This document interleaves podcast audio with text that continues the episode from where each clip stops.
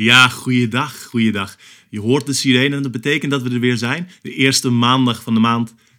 Onderstroom komt bij je. Deze keer gaan we het hebben over liberalisme. Dit is het vervolg op de eerste aflevering over liberalisme. En we gaan nu kijken naar de geschiedenis. We gaan diep, diep graven waar het nou allemaal vandaan komt. We gaan met z'n handen heel diep, heel diep die bagger van het liberalisme in. En, uh, en we gaan jou een beetje laten zien waar het nou allemaal, allemaal uit bestaat. Hoe het is gekomen. Hoe is het toch zover gekomen? Geschiedenis van het liberalisme. Belangrijk voor als je liberalisme geschiedenis wil maken. Oh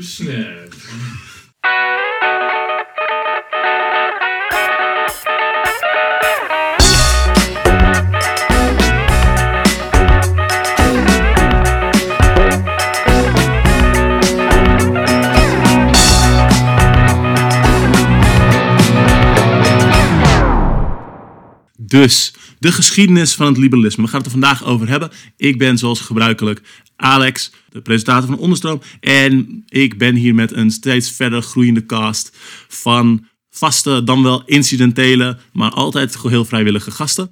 De bekende, bekende Henk zit er weer aangeschoven. Hallo, uh, Henk hier, uh, huisanarchist van Onderstroom. Verder hebben we daar uh, Dennis Sanne. Hallo, kom weer eens tevoorschijn. En, uh, en speciaal voor, uh, voor, de, voor de geschiedenis touch hebben we ook Mark meegenomen. Mark, zeg eens gedag tegen de mensen. Hallo. Um, Mark gaat ons verblijden met zeer, zeer pijnlijke weetjes. We zitten met z'n vieren en daardoor is er uh, geen, geen plek in die grot waar we normaal zitten. dus hebben we het een beetje verplaatst, maar we hebben er niet minder DIY van gemaakt. dus vooral gewoon meer, meer doing. Uh, we zitten met meerdere microfoons en een, een setup van een, een, een, gewoon enge wirwar van kabels uh, en stickers. Ik zie een, een, een whiskyfles waar met duct tape een PVC-puis aan vastgemaakt is, zodat een microfoon uh, bij Mark mond kan hangen. Ik ben er trots op, ik vind het ook een beetje eng. Er zit een extra, extra soundmix apparaat met een grote draaiknop in het midden erbij. Ik weet allemaal niet wat het is, maar ik heb het gevoel dat het heel goed gaat worden.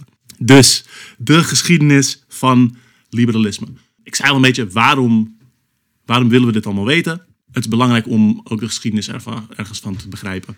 Om er, er vanaf te kunnen komen. En het is wel goed, ja, wat, wat weten we eigenlijk van, van liberalisme? Het is zo'n soort van gemeengoed nu geworden dat, dat het bijna lijkt alsof het er altijd is geweest. Alsof iedereen erbij hoort en er, het ermee eens was. En dat toen het zeg maar meer dominanter werd en alle dingen ging beïnvloeden, werd het heel erg ook voorgesteld als, als een grote winst voor, voor het volk, voor iedereen. En dat is gewoon uh, best wel onzin. Uh, dus dat, dat willen we vandaag even, even tentoonspreiden.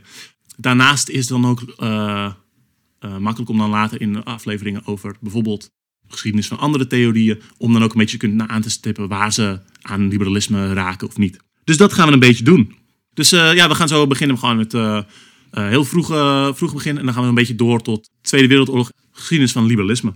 Even een notitie achteraf erbij. We zaten uiteindelijk bij de opname zo gezellig met z'n vieren dat we er een soort monsteraflevering van bijna twee uur van hebben gemaakt. Dus, dus om je dat te besparen heb ik het nu in tweeën geknipt. En gaan we deel B over twee weken uitbrengen, zodat je gewoon een beetje een normale podcasttijd hebt. Dus deze aflevering gaat meer over de vroege geschiedenis van liberalisme, grotendeels voordat het de naam liberalisme krijgt en ook veel gericht op wereldwijde ontwikkelingen van staatsvorming uh, en kolonialisme.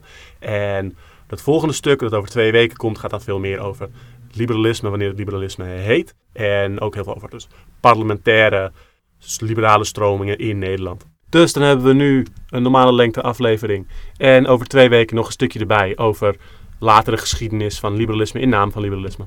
Ja, in de voorbereiding was ik al van het idee van ja, de geschiedenis van liberalisme is voor een groot deel heel veel overlap met gewoon de geschiedenis van moderne westerse politieke ideologie.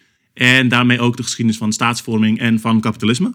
Maar op het punt van ideologie betekent niet dat er niet daarvoor dingen gebeurden of, of buiten Europa. Uh, want er zat, er zat dus ook van alles, er zat van alles voor. Wat, we hier gaan tegenkomen vandaag is dat uh, liberalisme en, en zeg maar, radicale en, en, en, linkse theorieën, dat die, die vaak een beetje tegen elkaar aangeschurkt hebben en soms in, elkaars vaarwater zaten. Maar ze hebben ook allebei duidelijk een, een geschiedenis die dieper, dieper het verleden in ook afsplitst.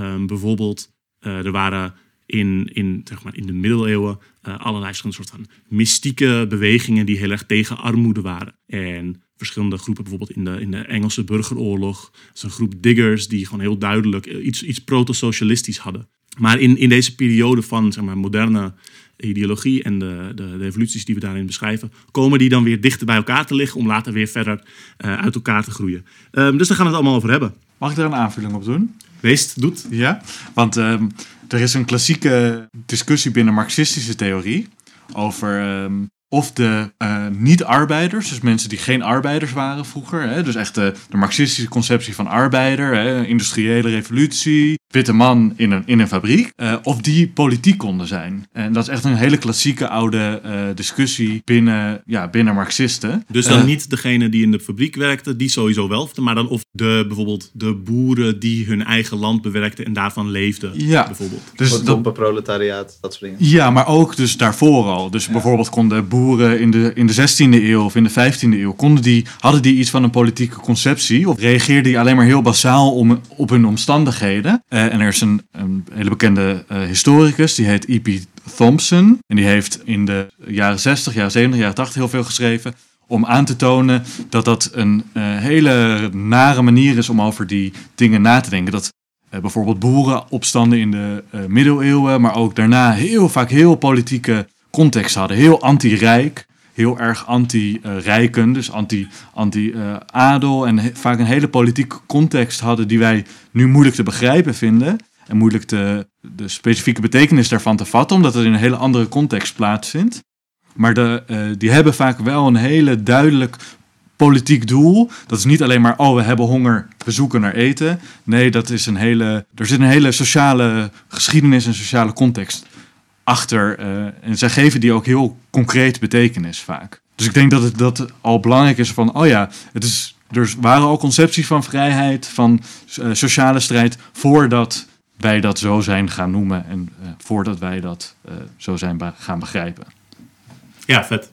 Ja, dat, dat is ook te zien in allemaal van die boerenopstanden in de 15e, 16e eeuw. Uh. Maar die hadden geen grote, rijke academische denker die de naam eronder kon zetten. Dus, dus dan was het niet echt een idee natuurlijk. Heel jammer.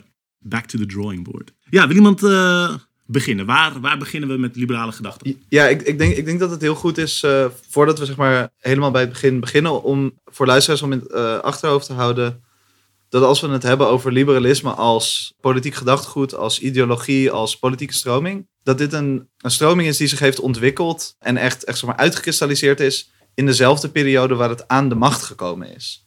Langzamerhand. En dat het dus heel erg beïnvloed daardoor is.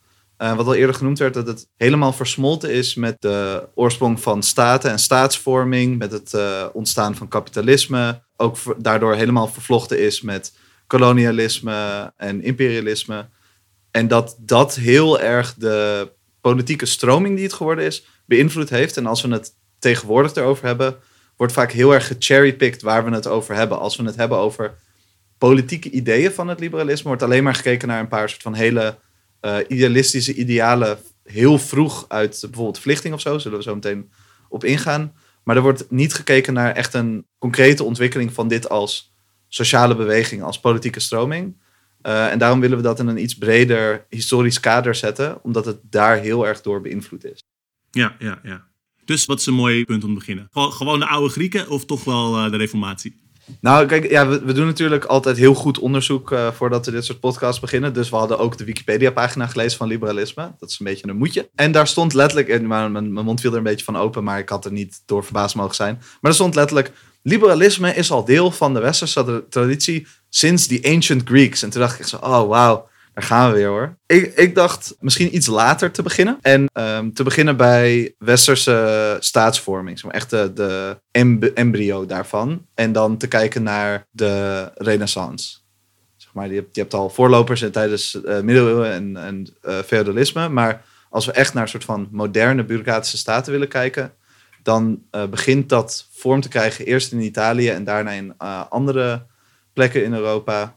Vaak via Italië naar Spanje en daarna in Nederland. En dan zou ik zeg maar een van de vroegste dingen die wat veel mensen misschien wel kennen, Machiavelli, de, de prins, Il Principe, is, is bijvoorbeeld daar een heel vroeg voorbeeld van, van die staatsvorming, van actief nadenken. hoe het is om een staat vorm te geven. Want die, die, dat uitrollen van staatsbureaucratie ook, dat baseert zich heel erg op de st- bestaande structuur van de katholieke kerk. In die zin is het ook pre-reformatie al met elkaar vervlochten. Zeker. Ja, ik, ik denk dat zeg maar, als je kijkt naar die, naar die staatsvorming, processen die tijdens zeg maar, het eind van de 15e en begin van de 16e eeuw ontstaan en aan het ontwikkelen zijn, is dat voornamelijk gevolg van groeiende welvaart in de handen van een klein groepje mensen en een poging van heersers om macht meer te centraliseren. Dus ook de opkomst van staatsbureaucratieën. Eh, het zie je vooral in het Spaanse Rijk heel erg, waarbij er echt een grote bureaucratisch apparaat opgezet wordt. Ook deels om de oude structuur die tijdens het feudalisme bestond te, te ondermijnen eh, en niet meer alle adellijkheid overal in te laten meespreken, maar dat de macht steeds meer bij het centrale punt van een koning of een keizer of, eh, en, het, en het hof eromheen komt te liggen. Want die vroegere koning, die, die, was wel de koning eh, in, een, in een feodale staat. Maar die had, die had eigenlijk was het meer een, werkte meer als een oligarchie. Dus een, een verbond van de rijkste en de machtigste adelen die samen heersten. Waarvan de koning wel de eerste was. En een soort van onderlinge geschillen dan beslechten. Maar was eigenlijk helemaal niet een soort absolute heerser. Dat is pas veel later eigenlijk gekomen dat die koning in eigen naam allerlei dingen kon gaan bepalen. Ja, ik denk, ik denk ook dat het een belangrijk onderdeel van eh, liberalisme ook is dat het is heel breed toepasbaar. Hè? Dus wat eh, een van die grote eh, schrijvers hè, op dat gebied, eh, Thomas Hobbes met de, de Leviathan, wat hij heel duidelijk zegt, is dat eh, bij die staatsvorming dat het niet zo heel erg veel meer uitmaakt wie er aan het hoofd van die staat staat. Dat kan een groepje eh, rijke eh, edelen zijn, het kan een koning zijn, het kan een groepje rijke koopmannen zijn. Het kan zelfs het volk zijn, hoewel dat natuurlijk het allerslechtste idee is. Maar wat belangrijk is voor veel van die vroege denkers is dat, dat het een staat is. Het is een ding op zich. Het is niet meer in, die, in, een mens, eh, zoals het, zeg maar, weet je wel, zoals koningen eh, zijn. Het begint heel hard te hagelen. Zoals koningen eh, zijn. Dus koningen, zeg maar in de vroege middel, in de middeleeuwen was het vooral heel erg een, een persoonlijke verbond tussen de koning en God. of de e- adellijkheid en God. En dat is waarom zij mochten regeren. Maar nu wordt dat veel meer ge, geïnstitutionaliseerd. Er komt een institutie van, van een staat. En het maakt niet zo heel veel uit wie er dan aan dat hoofd staat. En op die manier weet het liberalisme zich eigenlijk daarin te werken. Want het maakt niet zoveel uit. In Engeland heb je eh, strijd tussen de, tussen de oude adel en de liberale Cromwell. eh, tussen die, die rijke koopmannen. In Nederland wint, winnen die rijke koopmannen ook. En in Engeland worden ze dan uiteindelijk weer verslagen. In Frankrijk wint heel duidelijk het koninkrijk. Eh, Duitsland valt uiteen in allerlei kleine... Of tenminste, dat is dus nog niet Duitsland. Maar daar zitten allemaal kleine, kleine koninkrijkjes. Kleine verschillende keizertjes, graven, weet ik veel wat. In Rusland duurt het eigenlijk heel lang voordat die eh, macht centraal kan worden gemaakt. En zo heb je allemaal verschillende vormen van staatsvorming. Maar wat er in ieder geval het belangrijkste is, is dat er een staat is. Het maakt niet zo heel veel meer uit wie er aan het hoofd staat. Maar er is een staat, een institutie die geleid kan worden. En die beslist vervolgens over de levens van de mensen die daaronder vallen. En dat is eigenlijk. Eindelijk wordt dat soort van geformaliseerd in, in Westfalen in 1648. Dan wordt Nederland wordt soort van onafhankelijk van, van Spanje. Dat is een beetje waar wij het vaak van kennen. Maar daarin krijg je officieel eh, dat eh, elk land zijn eigen staat wordt. Elk huis krijgt zijn eigen staat. Elk koninghuis of een, welke groep mensen er dan ook maar regeert, die krijgt een eigen staat. En die mag binnen dat landgebied wat onder die staat valt, zijn zij totaal soeverein. En dat is hoe, de, eh, veel, hoe dat liberalisme er een beetje insluipt. En, en soeverein, dat is dus een soort van de, die mogen, zeg maar, wat, wat geldt als de heerser van dat gebied, die is degene die over dat gebied mag bepalen en niet een ander politiek lichaam, niet een andere partij. En dat heeft ook nog een hele religieuze context hè, op dat moment. Het is heel erg protestant tegenover katholiek. Dat is letterlijk de, de spreuk van Westfalen. Het is een Latijnse spreuk, ik weet hem niet uit mijn hoofd. Maar eh, Eh, eh, ieder zijn regio voor zijn religie. Precies, dus het is een soort van. Het is een hele religieuze invulling van de staat nog steeds. Waarbij de heerser dus zelf mag bepalen: oké, ik ben katholiek of ik ben protestant, wat dan ook. En op die manier wordt dus eh, inderdaad het concept van de staat wordt eigenlijk officieel erkend. Ja, ik denk, ik denk dat het wat misschien wel fijn is om erbij uit te leggen voor mensen die niet heel bekend zijn met de geschiedenis van deze periode, is dat die vrede van Münster of vrede van Westfalen in 1648 dus is In Nederland kennen misschien mensen dit jaar omdat dit het einde is van de zogeheten 80-jarige oorlog. Uh, maar in uh, Europa zijn er door heel Europa de godsdienstoorlogen worden die genoemd. En in Duitsland heb je de, de 30-jarige oorlog, zo, heet, zo die heet. En dit, dit is eigenlijk als gevolg van de reformatie en het ontstaan van protestantisme en verschillende religies. Beginnen allerlei mensen voor zichzelf te kiezen waar ze bij horen qua religie. En niet alleen kiezen uh, normale mensen daarvoor, maar ook lage heersers. Dus niet, niet zeg maar koningen alleen, maar ook adellijke families.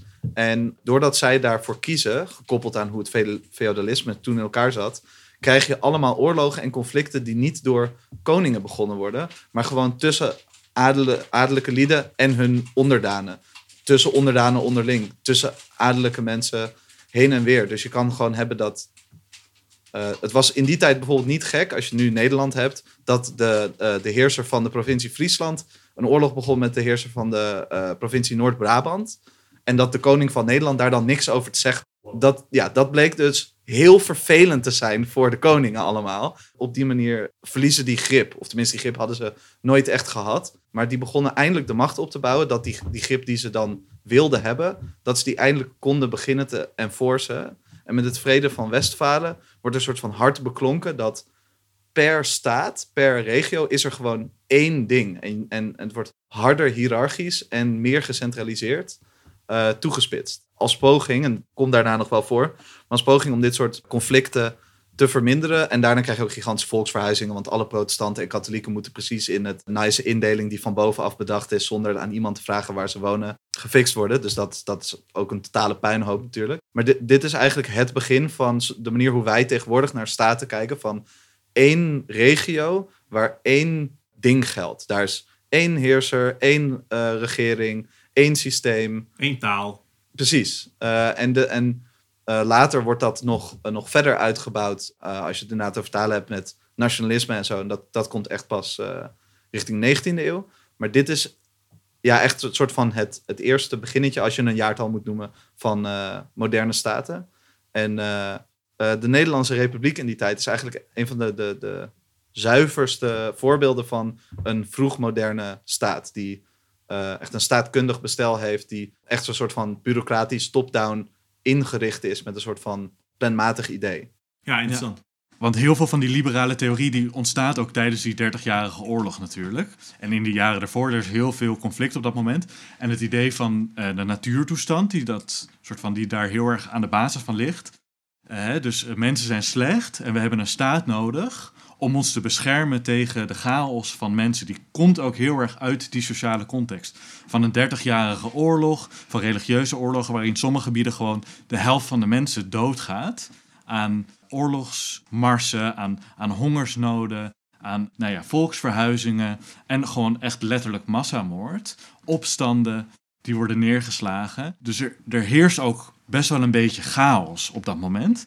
En het idee dus dat er staten nodig zijn om die chaos te uh, beheersen. Om te zeggen, hé hey jongens, we moeten elkaar... Uh, er is iemand nodig die ons beschermt. Die komt heel erg uit die context ook. En dan begrijp je ook wel iets meer misschien waarom mensen zo zijn gaan denken op dat moment. Het is in ieder geval een deel van de verklaring waarom men zo wordt gehamerd, ook in het kapitalisme nog steeds, van als er niet beschermd worden, als er geen staat is die ons beschermt, keren we terug naar een soort natuurtoestand van ieder tegen voor, voor zichzelf, voor de leeuwen, voor de wolven gegooid worden. En dat is zo'n typische manier van denken over kapitalisme en liberalisme op het moment. Dat komt, zit eigenlijk dan al erin gebakken. En ik denk dat dat best wel interessant is in ieder geval, hoe dat nou ja, nog steeds zo bestaat. Terwijl we eigenlijk al heel duidelijk weten dat dat helemaal niet zo is of zo. Maar... Ja, ja, ja. Want ik vind het altijd interessant hoe daarover geschreven wordt. Want je, het wordt altijd zeg maar achteruit beredeneerd. Een soort predestinatie van we hebben nu Nederland. En hoe is dat gebeurd? Alsof dat een soort, dit moest gebeuren en hoe, is het, hoe, hoe, ging, hoe ging dat dan? Terwijl het, die, die kristallisatie van macht, um, dat is gewoon één iemand, of wat je zegt, een kleine elite die dit naar zich toe heeft getrokken. En dit was gewoon het grootste gebied dat lukte. Daar komt het basically weer. Dus het is niet, toeval is misschien een te groot woord. Maar die vanzelfsprekendheid waarbij het heel vaak beschreven wordt, daar zie je echt terug van hoe, hoe natuurlijk wij dit vinden. Want dit moest gewoon gebeuren. Er gebeurden wat dingen en nu is er Nederland. Staatsvorming. Maar alsof het al in de coulissen zo klaar stond. Ja. Um, en van, mag ik al? Mag ik al? Ja, dat is, dat is natuurlijk ook in, in de 19e eeuw met opkomst van nationalisme en nationalistische geschiedschrijving is dat super erg herbevestigd en steeds benadrukt en bij ons er keihard ingeramd. Want het is een, een poging om natie en landgevoel, nationale identiteit te maken in plaats van te beschrijven hoe het is. Ja, klopt. En bedoel, als we dan over de 19e eeuw en, en nationalisme gaan hebben, dat zeg maar, is eigenlijk een soort van vervolgstap op, op die staatsvorming. En ook een, een vervolgstap in de ontwikkeling van politiek eh, nadenken. Ik denk dat we dan, ja, we slaan nu even de, de, de Franse Revolutie over. Dus misschien eh, goed om daar zo nog op terug te komen.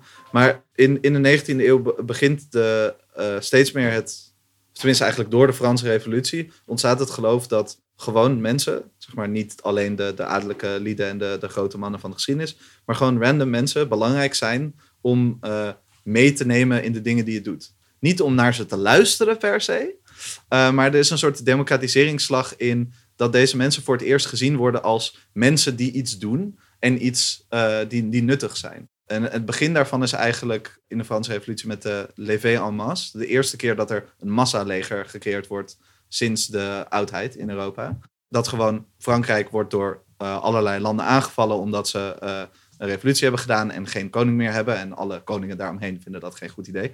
Ehm shocker. En de enige manier die ze bedenken om daar te- tegen te vechten is gewoon te zeggen: oké, eh, de republiek is van iedereen.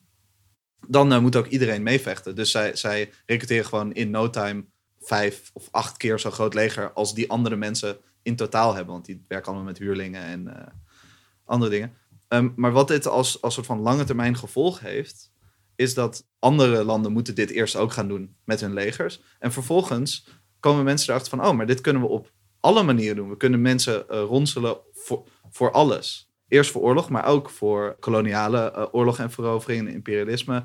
Eh, en dan keert het zich naar binnen, naar het land zelf, waar zeg maar, mensen steeds meer gemobiliseerd worden om dingen te gaan doen voor de staat, voor het land. En steeds meer daardoor betrokken worden. En er af en toe een soort van concessies gedaan moeten worden dat mensen ook iets in de melk te bokkelen hebben. Eh, maar dat, dat, dat is omdat die mensen dus toen voor het eerst werden gezien als mensen die er soort van iets mee te maken hebben in plaats van, Een soort factor, eigenlijk. ja, Ja, ik, wil, ik wil nog wel wat over zeggen over hoe. ehm, want er, er is namelijk ook denk ik een reden dat we eh, liberalisme, dat we het nu zo over staats. Ik bedoel, niet zo over staatsvorming zijn gaan hebben. Liberalisme is namelijk een staatstheorie. Het heet heel erg vrijheid, tenminste dat zit natuurlijk in de term. Maar eh, het is uiteindelijk een staatstheorie. Het gaat erover hoe regeer je een land.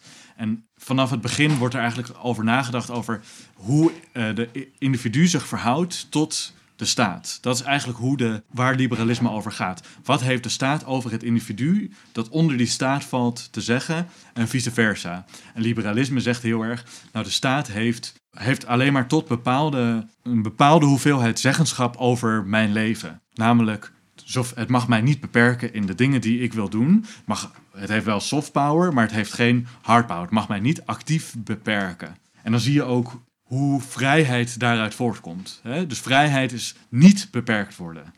In, in de theorie van liberalisme.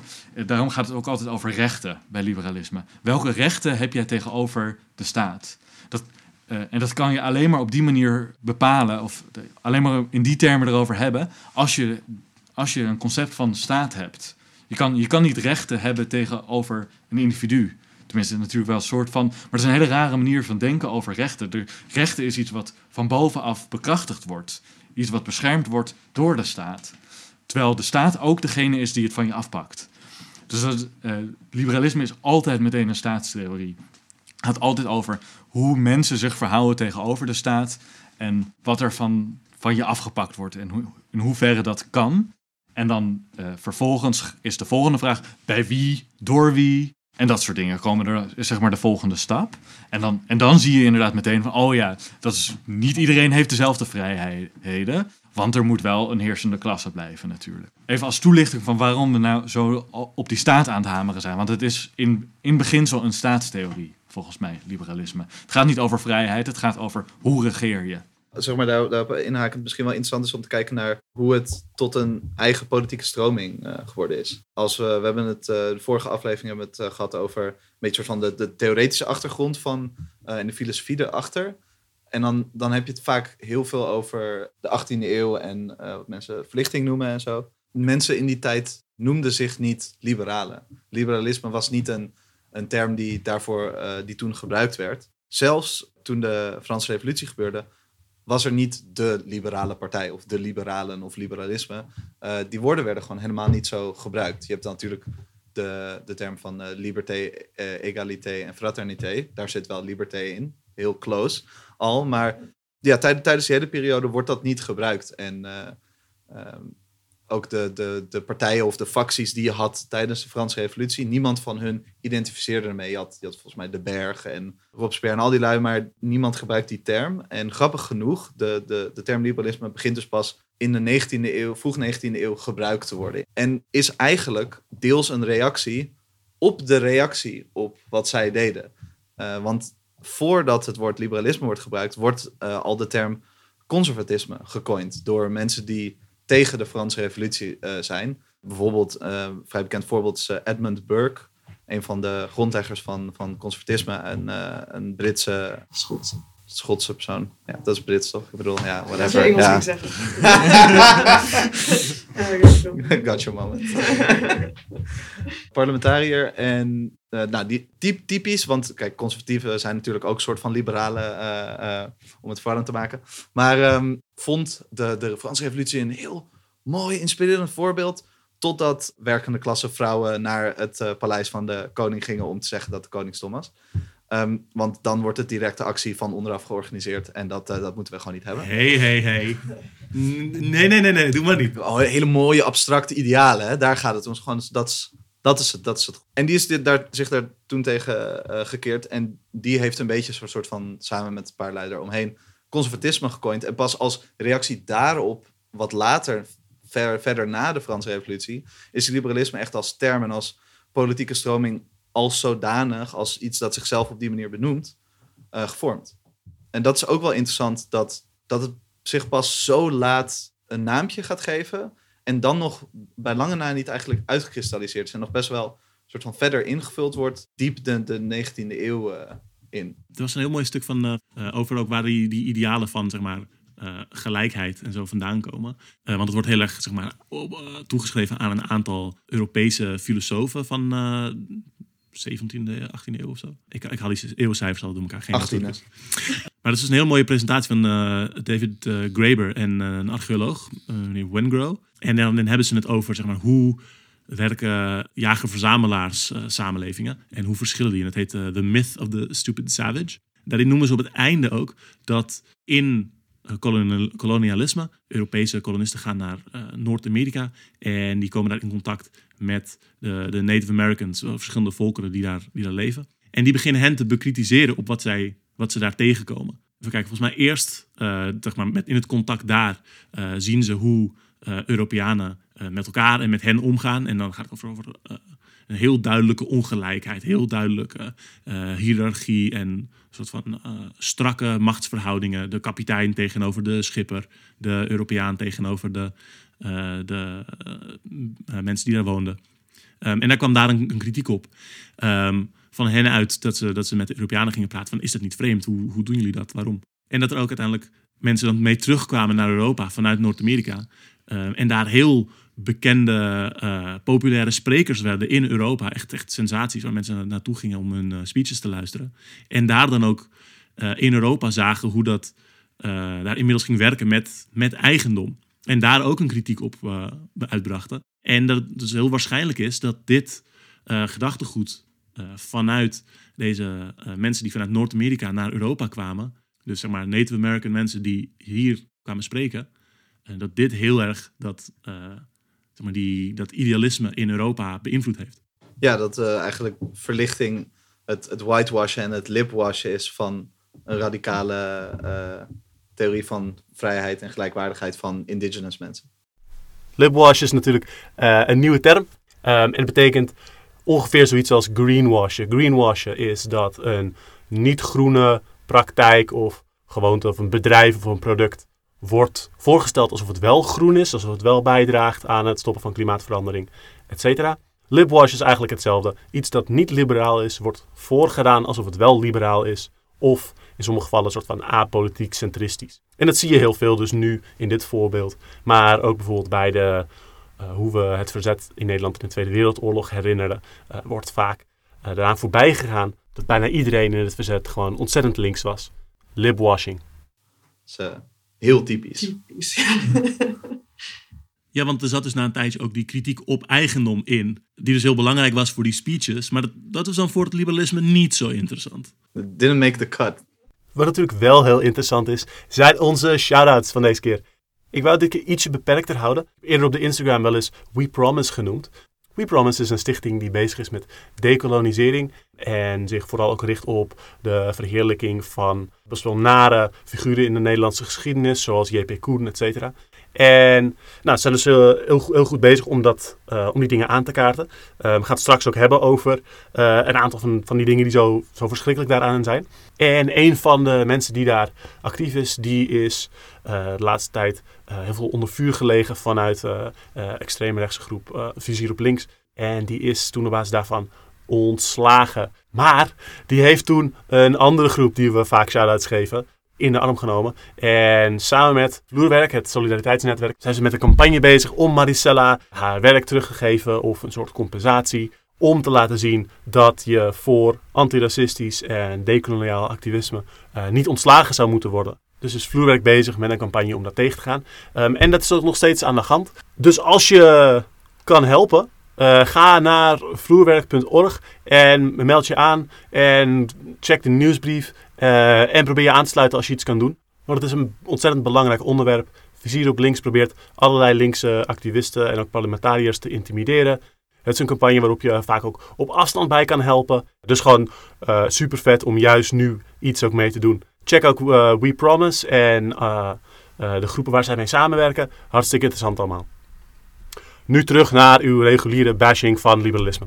Nou, wat ik dus ook wel interessant vind om een beetje op aan te stippen, wat we vorige aflevering ook al een beetje ja, geïntroduceerd hebben, is dat de opkomst van liberalisme en liberale ideeën heel erg sterk verbonden is met kolonialisme ook. En we hadden het net over de Franse Revolutie en ik denk dat je daar heel goed ook kan zien hoe dat met elkaar verbonden is. Als je kijkt naar hoe in Frankrijk in de, bij de Franse Revolutie steeds meer soort van in stapjes zeg maar radicalere gedachtegoeden naar voren kwamen en steeds meer gelijkheid en op een gegeven moment gewoon alle mannen universeel stemrecht kregen. Volgens mij hebben vrouwen nooit stemrecht gehad tijdens de Franse Revolutie.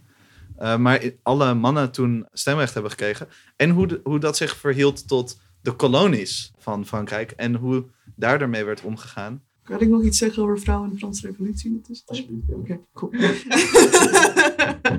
maar we hadden het net over dus um, gelijkheid na de Franse Revolutie. Ik wil het aan het voorbeeld van Olympe de Gauche aandragen. Ik weet niet of ik dat goed uitspreek, mijn Frans is niet heel goed. Uh, dat was een uh, bourgeois feministe die nog vrij conservatief was. Naar, naar mijn maatstaven althans. Ze was bijvoorbeeld heel erg tegen de, de slavenopstand op Haiti. Ze ook tegen de, de executie van Lodewijk XIV. Uh, maar wel voor vrouwenrechten. En er is uh, door de Jacobijnen ook gewoon voor de guillotine gelegd. Ook als waarschuwing aan politiek actieve vrouwen. Want dat was natuurlijk niet de bedoeling. Dus zelfs maar iemand uit de hogere klasse die betrekkelijk conservatief was, ging al volledig over de schreef. Oké. Okay. Liberalen. Liberalen. de kolonies. En bijvoorbeeld Haiti is daar een, uh, een heel bijzonder voorbeeld van. Er zullen wat linkjes onder de podcast staan, zodat ik het niet allemaal helemaal in detail hoef uit te leggen. Het is enorm interessant, ook best wel convoluted en ingewikkeld. En eindigt met een van de meest succesvolle slavenopstanden voor zelfbevrijding en uh, emancipatie uit de geschiedenis. Super vet. Um, maar een van de dingen die, daar veel voortkwam, was uh, dat er in Frankrijk uh, af, verkondigingen werden gedaan over nieuwe vrijheden en zo. Die deden er dan een beetje lang over om aan te komen in Haiti. Waardoor ze daar al eigen ideeën ontwikkelden. En dat bounced heel bizar heen en weer. Omdat er dan werd gezegd, iedereen is vrij. Maar dat werd niet gezegd, hoe, wat betekent dat voor de, een, een super gestratificeerde samenleving gebaseerd op racisme en kolonialisme, waarin letterlijk verschillende categorieën van niet-witte mensen lager op de ladder stonden. En sowieso 90% van de mensen slaaf was. Ja. Um, dus die krijgt te horen, iedereen is vrij en in ieder geval alle mannen zijn allemaal gelijkwaardig. Oké, nou, sommige mensen zijn gewoon oprecht eigendom van andere mensen hier. Dat is best wel moeilijk te, te lijmen met elkaar. Dus dan beginnen zij gewoon daar zelf over na te denken en uh, radicalere ideeën te hebben dan uh, uh, rijke witte mensen in Europa. Ook een shocker. Waarna er een tweede telegram komt, wat weer totaal met iets anders komt, op, gebaseerd op ontwikkelingen in Frankrijk. Maar ik, ik zal de rest van de details besparen, maar is, is een, een heel interessant om naar te kijken hoe dat soort zogenaamd universele claims toch niet zo universeel waren. Het had sowieso geen betrekking op mensen die geen uh, mannen waren, maar ook buiten Europa en voor niet-witte mensen betekende het totaal iets anders, wat de rechten voor zogenaamd alle mensen zijn, als het niet uh, voor hun gold. Ik wilde nog wel heel even over uh, Haiti, want uh, wat natuurlijk heel interessant daarin is, is een soort van de, het feit dat Haiti dus volgens mij eigenlijk de enige echt volledig succesvolle slavenopstand is. Ik ben nu een heel interessant boek aan het lezen, maar dat komt straks verder. Uh, maar een soort van de, de, de slavenopstand waarvan echt duidelijk is, oké, dit was echt een slavenopstand. Um, en dat was feitelijk, nou ja, nu wat bijna 250 jaar, 230 jaar lang daarvoor is gestraft. Hij is uh, sindsdien gewoon eigenlijk in een constante blokkade gelegd. Gebombardeerd, meerdere keren aangevallen van alle kanten. Uh, weet je wel, er worden heersers, massamoordenaars in het, in het zadel geholpen. Gewoon om de belangen van Amerika, van Engeland, van Frankrijk te helpen. Ook gewoon om echt duidelijk te maken, zowel aan koloniale landen als aan de lagere klasse. Dit is wat je overkomt als je de liberale ideeën doortrekt naar je eigen leven. Dit is de grens. Wij bepalen hoe ver je mag gaan in je vrijheid. Heel, heel vergelijkbaar met uh, zeg maar, uh, later een soort van koude oorlog uh, situatie. Een blok blokkade van zeg maar, linkse, linkse landen en communistische landen. Ja, ja, op zich, ja. Pff, dat vind ik wel, een, dat vind ik wel een, een beetje een stretch, omdat de, de politieke co context zo anders is in, zeg maar, uh, ja, maar 1850 zit, en in 1950. Nee, natuurlijk, maar er zit dus wel een, een, een parallel in, toch? Dus, zeg maar, slavenopstand, oh, jullie doen het voor jezelf, nou mooi, dan blokkeren we het hele ding. En ja. Cuba bijvoorbeeld. Nee, absoluut. Een soort van, je mag, weet je wel, je mag voor jezelf kiezen, maar da dan, ja, yeah, you will feel our wrath. Gewoon en we gaan proberen het gewoon kapot te maken. Absoluut. Ja. ja. Maar, en dat is ook niet alleen maar, zeg maar de, de praktische, realpolitiek ervan. Van oh nee, Frankrijk maken we allemaal proclamaties. Uh, maar buiten ons eigen grond, uh, zeg maar kernlanden, vinden we dat het niet telt, et cetera, et cetera. Echt, echt bekende liberale denkers, die zeiden dit gewoon letterlijk. Uh, en bijvoorbeeld John Stuart Mill, een bekend of moet ik zeggen berucht persoon. Um, zij, zij bijvoorbeeld het volgende: dat despotism is a legitimate mode of government in dealing with barbarians. Those incapable of self-government, like children of those living in backward states of society. En dan noemt hij dat benevolent despotism. Ja, uh, nee, maar dit, dit is precies die hypocrisie van dat zogenaamde universalisme. Het geldt voor iedereen.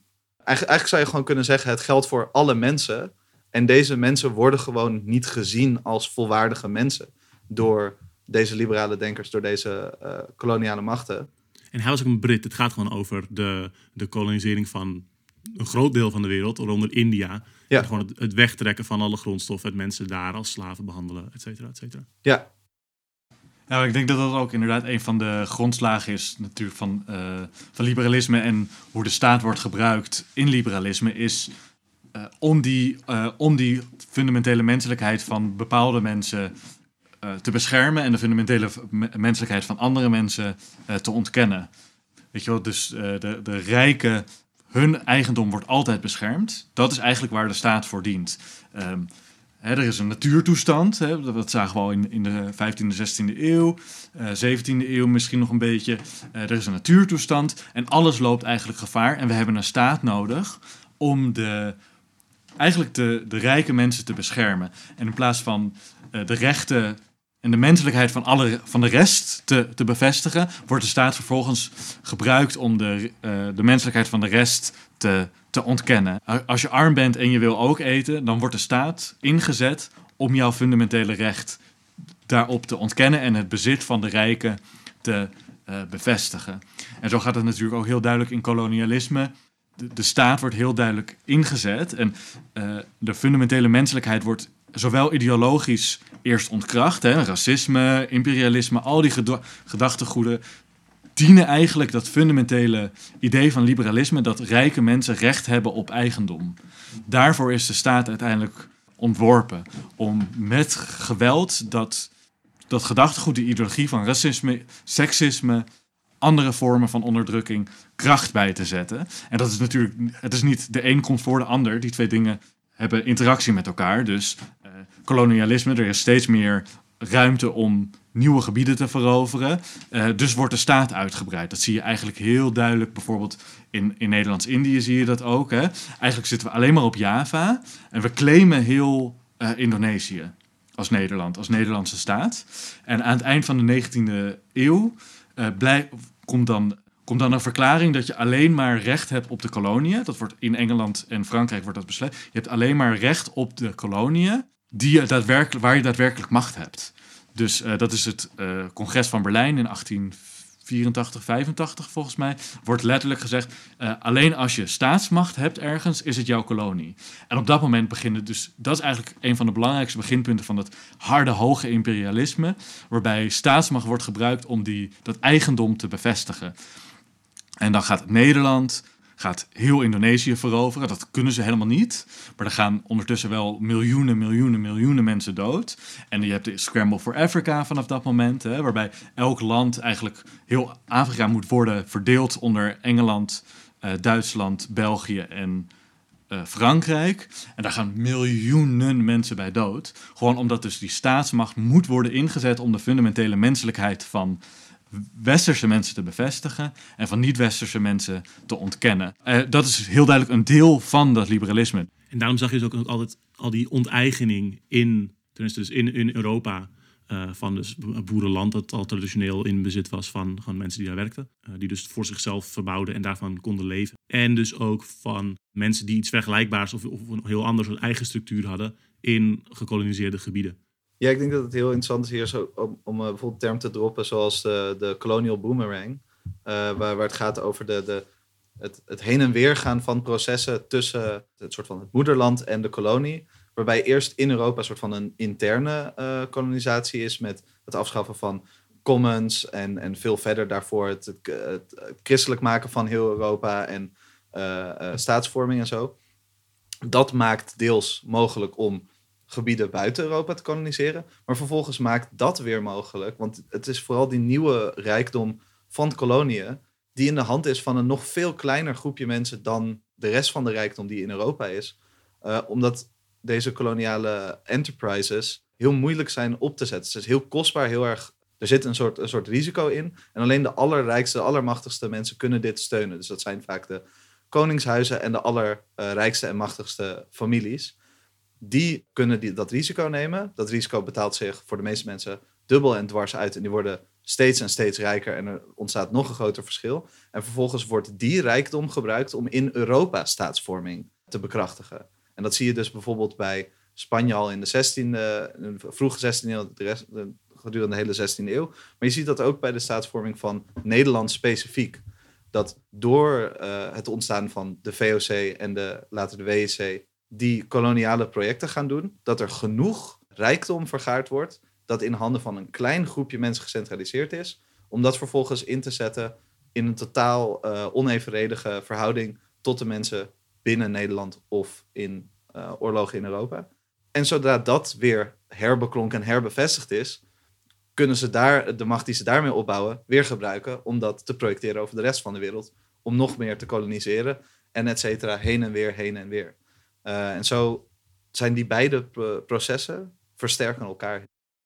En daarom is het ook volgens mij zo belangrijk om dingen als, dingen als nationalisme, maar een soort van de, de Nederlandse geschiedenis, uh, of de Engelse geschiedenis, gewoon de Europese geschiedenis als geheel, niet als een losstaand ding te, te beschouwen. Dat is fundamenteel verweven met kolonialisme. Je kan niet zeggen, oh ja, we gaan alleen maar de Nederlandse geschiedenis vertellen en daar heeft, hebben we een hoofdstukje Indonesië. Nee, dat is niet hoe de geschiedenis werkt. Je kan niet zeggen, oh ja, we, we bespreken alleen maar dit deel ervan en dan halen we gewoon het kolonialisme er eventjes tussenuit. Nee, je moet inzien dat kolonialisme een fundamenteel deel is van hoe onze geschiedenis zich heeft ontwikkeld, hoe dat is opgebouwd en, hoe dat, nog, en dat dat nog steeds effect heeft op hoe het er nu uitziet. Ons, onze levens, hoe die er nu uitzien, dat is fundamenteel bepaald door kolonialisme, door de ideeën die daaruit uh, voort zijn gekomen en de manier waarop dat bepaalde structuren in ons, nou ja, in Nederland en in Europa heeft bekrachtigd en heeft gemaakt. Dus je kan niet zeggen, nou nu doen we even een stukje Nederlandse geschiedenis zonder kolonialisme. Nee, dat kan niet. De, de uh, uh, Napoleontische oorlogen, de, de oorlogen met Engeland, de oorlogen met Spanje, allemaal fundamenteel ingegeven door uh, kolonialisme en imperialisme. En ook de kleine levens, zeg maar, de kleine levens van de gewone mensen zijn fundamenteel beïnvloed door die nieuwe structuren die ontstaan vanuit dat kolonialisme. Uh, nieuwe uh, producten die er, die er komen, maar ook zoals, zoals je zei, Henk, van een nieuwe staatsvorming die een enorme macht geeft aan een kleine elite en die vervolgens hier uh, nieuwe structuren weet op te bouwen waarin zij hun eigen macht kunnen bevestigen. En zo uh, een, nou ja, een, uh, bijvoorbeeld het proletariaat weten te creëren, een industriële revolutie weet te creëren. Zonder daar verder te veel in, op in te gaan. Maar dat, dat is fundamenteel verwoven met kolonialisme, imperialisme. En, ja, ik bedoel, en dan heb je het inderdaad nog niet eens over dingen als heteronormativiteit, seksisme, wat dan ook, wat daar totaal mee nou ja, is verwoven. Ja, ja. De, de, de oplegging van dat frame van er zijn twee genders en dat is uh, natuurlijk en altijd zo geweest. En er is niks anders en al het wat, wat daarvan zou afwijken, dat is verboden nu. Uh, dat, is heel, dat is echt een soort cultureel exportproduct van Europa in allerlei gekoloniseerde gebieden. En, en vaak een hele duidelijk expliciete legitimatie van het kolonialisme vervolgens ook. Hè? Weet je wel, uh, vooral in Afrika is dat echt zo'n standaard ding, maar ook in Indonesië hoor. Van, um, oh ja, daar hebben vrouwen zijn daar heel seksueel. Oh, oh kijk, kijk hoe erg het is. Oh, oh vrouw, vrouwen uh, die willen daar seks. Ze, ze springen om je piemel heen uh, als, je, als je daar rondloopt. Dat zijn letterlijk teksten en die worden tot in Frankrijk en in Algerije bijvoorbeeld die worden tot in de jaren zestig, uh, worden, worden dat soort teksten gewoon letterlijk gebruikt. Wordt constante seksualisatie van moslimvrouwen, maar ook van Indonesische vrouwen. En als een reden van waarom er geïnterveneerd moet worden en waarom dat. Absoluut. Waarom onze beschaving daarheen zou moeten gaan. Ja, en, en want zij begrijpen onze fundamentele begrippen van vrijheid niet. De vrijheid van de vrouw, die begrijpen zij daar niet. Dus de vrouw daar is onderdrukt. En dus moeten wij hun bevrijden met onze staatsmacht en met onze economische macht. En zo wordt, eh, zijn die dingen zijn niet los van elkaar te zien. Dat zijn allemaal dingen die met elkaar verbonden zijn. Ja, die economische argumenten die samen met seksistische argumenten, met racistische argumenten gewoon in één zin worden genoemd. Het doet me ook denken aan, uh, we hadden het vorige aflevering gehad over utilisme dat dat ook zelfs gebruikt wordt op dezezelfde manier om te zeggen van mensen kunnen niet goed genoeg voor hun eigen uh, stuk land of hun eigen eigendom of wat dan ook zorgen. Uh, wij kunnen dat beter beheren dan zij, want dan is het in totaal productiever. Dus dan doen wij het wel. Maar ja, kijk, als wij het dan doen, dan houden wij ook de opbrengst. Lijkt ons wel zo eerlijk. Uh, en dat dat gewoon ook als, als, niet als legitimatie wordt gebruikt alleen voor waarom wij het doen, maar waarom het goed is voor de mensen waar witte mensen het van afpakken. Dus het is goed voor gekoloniseerde mensen dat al hun spullen afgepakt worden, is het argument. Het is compleet bizar natuurlijk. Nog in 1949 zegt de, uh, de, de, toenmalige premier van, uh, van Nederland, die zegt dan letterlijk, nou ja, ze willen zo graag decoloniseren, ze kunnen het niet zelf, want het zijn maar Indonesiërs. Maar ja, ze willen het zo graag, dus laten we het dan maar doen. Hè? Dan gaan we ze wel nog een beetje op afstand helpen. Dat is letterlijk wat er gezegd wordt in 1950 over, over Indonesië. Zo laatdunkend wordt er dan nog gedacht over niet-blanke volkeren.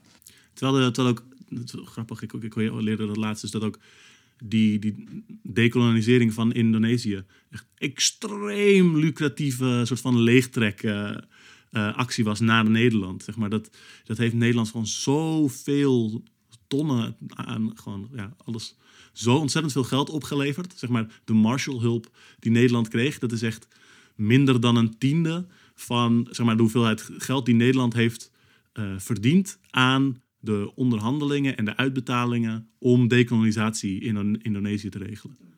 Echt bespottelijk, ja.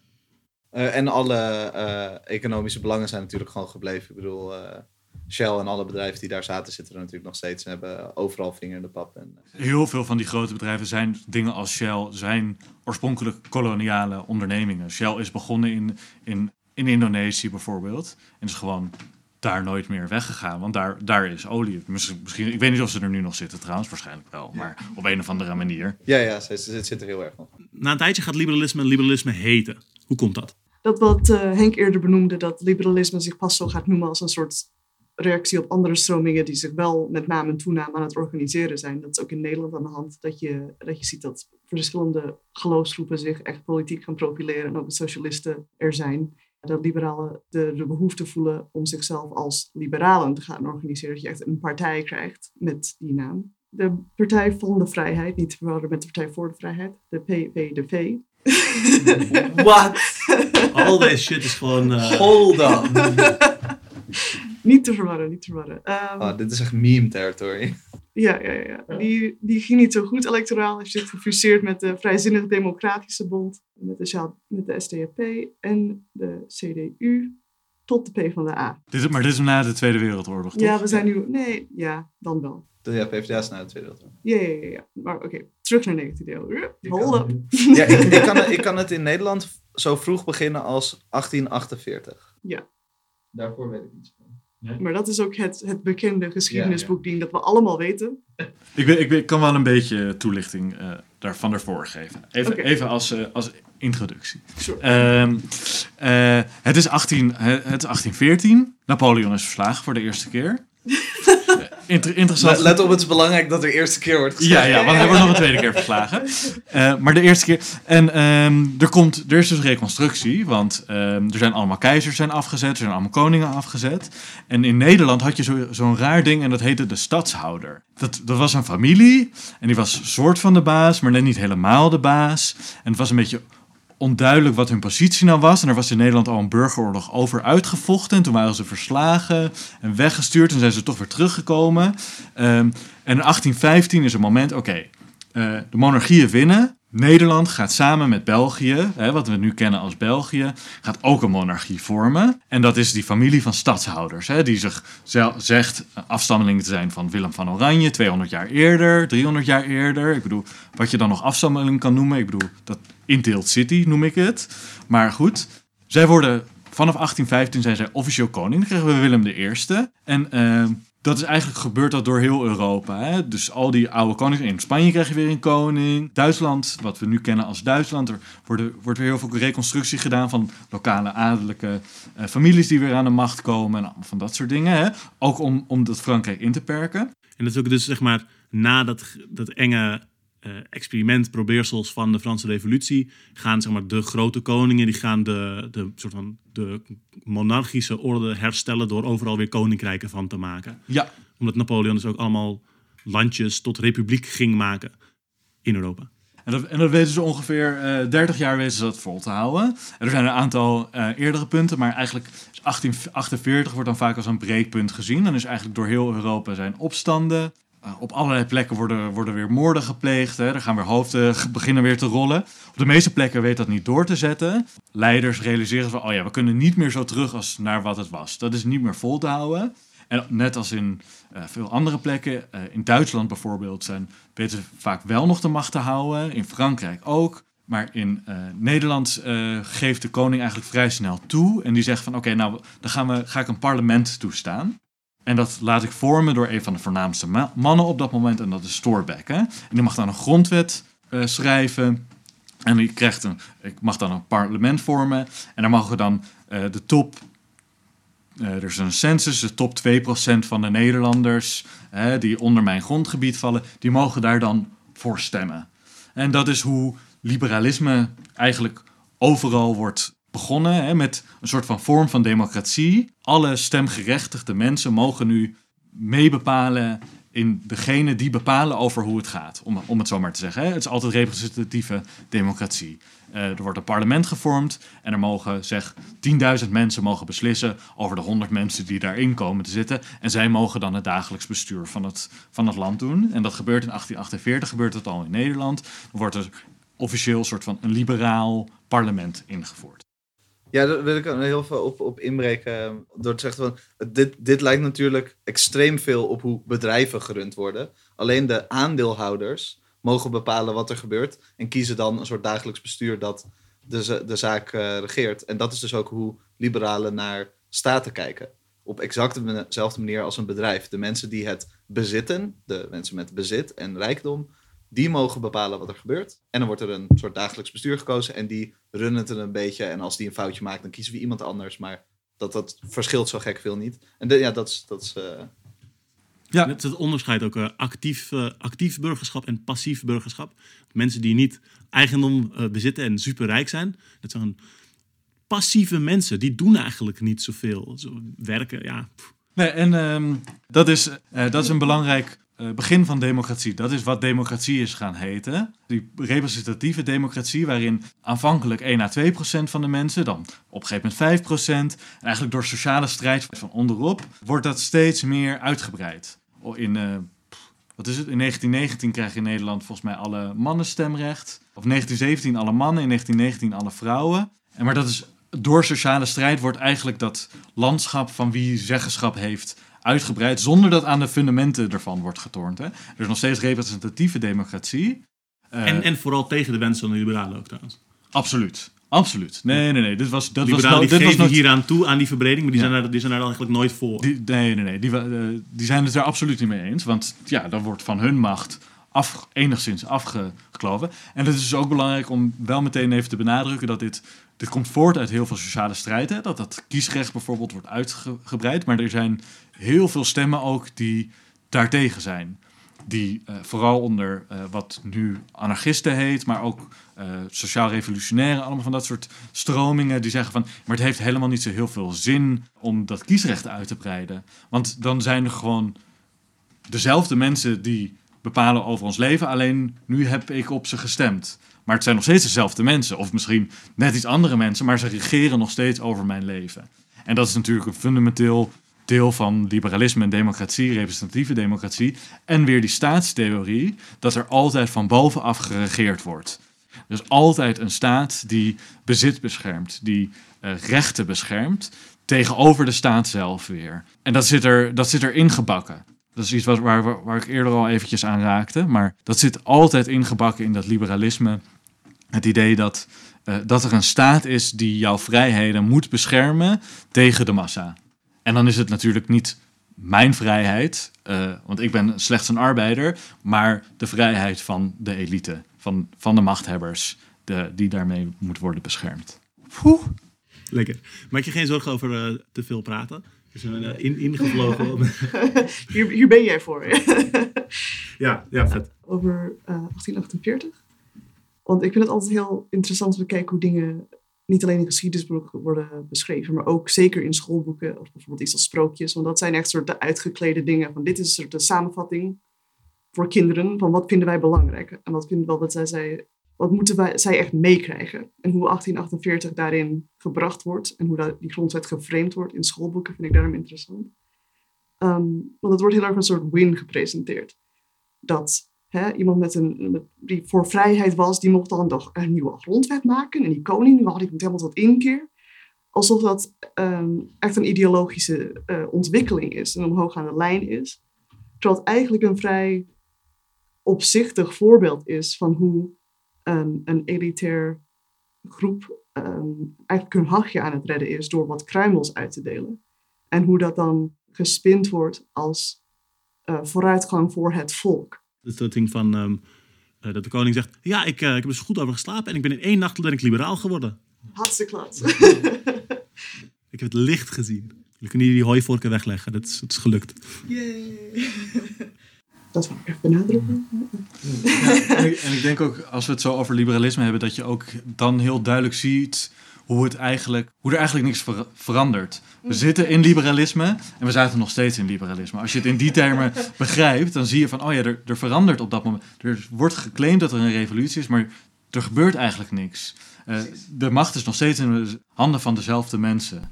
Oké, dus daarmee breek ik het even af. We zitten echt pas op de helft van wat we hebben opgenomen die middag. Dus ja, lieve mensen eh, en de rest van het publiek. We stoppen hier. Jullie kunnen hier weer lekker eh, concentreren op de afwas of de band die aan het plakken was. Of eh, Over twee weken komt het vervolg hiervan, zodat het wel afgesplitst is, maar dat we het niet de hele planning doorgooien. En dan gaan we daarna het in mei weer hebben over de huidige situatie van liberalisme en haar alles verzwelgende huidige vorm.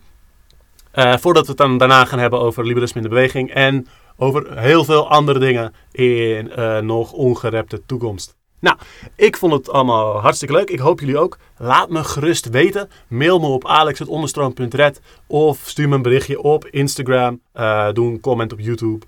Uh, zoek me op Reddit, ook hartstikke leuk. Nou, vind je dit leuk en luister je op YouTube? Like en subscribe dan alsjeblieft. Maar als je me echt wil helpen, let dan een fucking spicy take in de comments. Blijkt dus dat dat helpt. Negatieve aandacht is ook aandacht. Dus ik zou zeggen, laat duizend woedende flame wars ontbloeien in mijn YouTube comment sectie. Uh, hartstikke fijn. Dit was weer Onderstroom. Heel fijne week en tot snel.